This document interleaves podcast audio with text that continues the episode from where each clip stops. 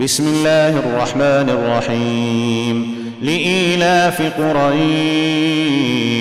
إيلافهم رحلة الشتاء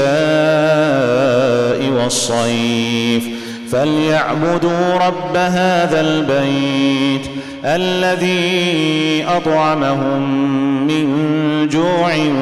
وآمنهم وآمنهم